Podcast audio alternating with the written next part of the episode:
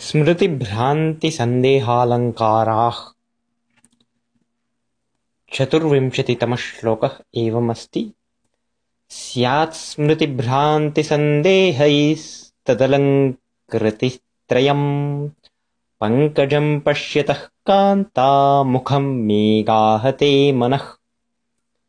अत्र स्मृतिभ्रान्तिसन्देहैः अलङ्कारत्रयं भवति इति ग्रन्थकारेणोक्तं पुनश्च द्वितीयार्धे श्लोकस्य स्मृत्यलङ्कारस्योदाहरणं दत्तं। पङ्कजं पश्यतः पङ्कजं पश्यतः कान्तामुखं मे मनः गाहते।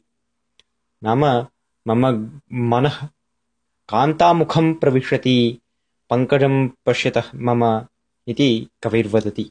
उदाहरणे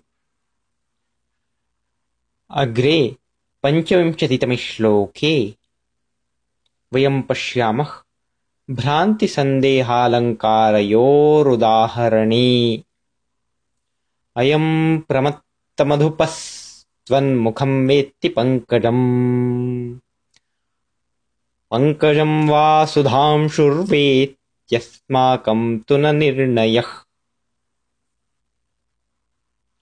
अस्तु।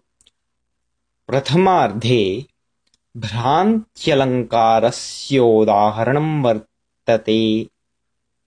अयं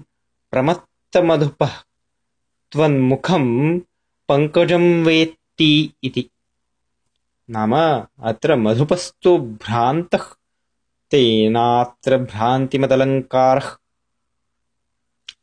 पुनश्च सन्देहालङ्कारस्योदाहरणं द्वितीयार्धे उक्तमेव पङ्कजं वा सुधांशुर्वेति अस्माकं तु न निर्णयः इति।